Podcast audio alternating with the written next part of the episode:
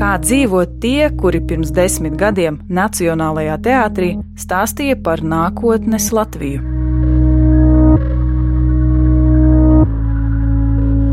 Okay. Tu te biji pirms desmit gadiem, un tu raksti: Skatieties patiesībai acīs. Jūs redzat, kas notiek Latvijā šodien. Vai jums šķiet, ka pēc desmit gadiem kaut kas mainīsies uz labo pusi, ja mēs turpināsim neko nedarīšanu? Ieklausieties, pasivitāte ir mūsu galvenais ienaidnieks. nu, tas, um, wow!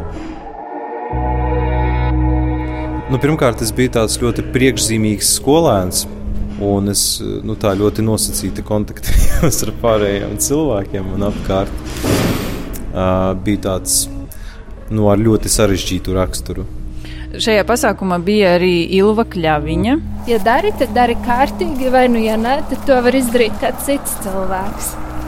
Un viņa savas esejas noslēgumā raksta galvenais nepazaudēt savu dziesmu. Viņai toreiz bija 19 gadi, tagad viņai ir 28. Nākamie 90. 90. gados, manā bērnībā, bija tāda forša dziesma, es to atceros no aptuveni 5 vai 6 gadu vecuma. Tā bija grupas Enigma The Return to Innocence. Un savā ziņā šis nosaukums viņš tā kā sasaucas ar to, ko mēģina izdarīt vai jau ir izdarījusi Ilva tagad. Proti, atgriešanās pie naivuma. Tas būtu tas nosaukums. Kā veicas? dzīvojot aluksnē, tas ir daudz vieglāk. Kāpēc?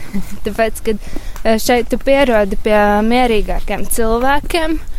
Īstenībā. Jā Tas jau bija nākamie 90 laikā, 2008. gadā. Rīgā, tad, kad strādāju bankā, piemēram, pašā sākumā es apkalpoju klientus. Un tur notika vislielākās izmaiņas dzīvē. Man pat uh, bija saruna ar vadītāju, kas man stāstīja, ka nevajag ticēt cilvēkam, visam, ko viņi saka. Ka, nu, saproti, Ilva, šeit nāk dažādi nāk. cilvēki, tostarp arī veci ļaudis. Un, var eh, raudāt mākslīgi un stāstīt lietas. Un, un viņi bija šokā.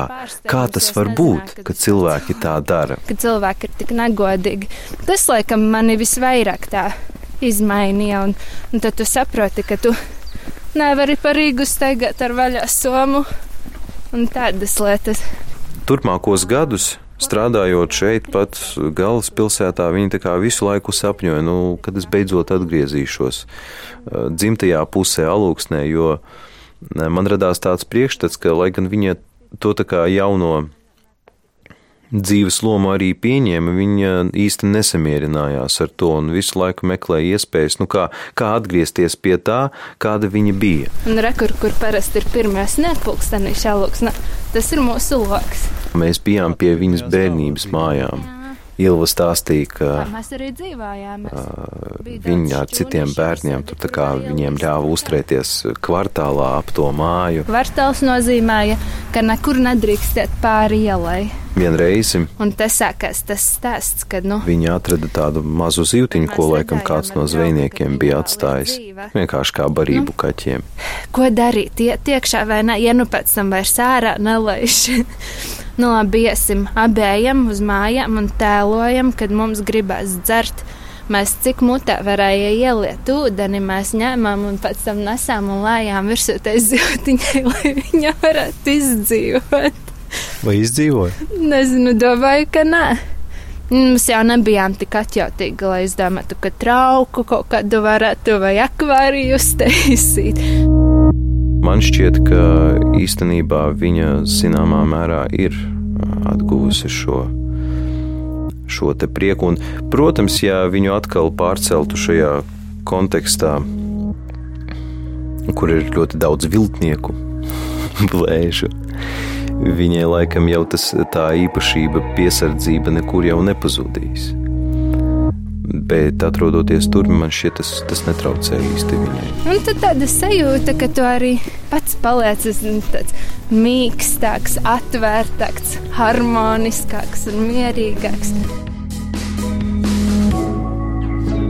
Nākamie 90.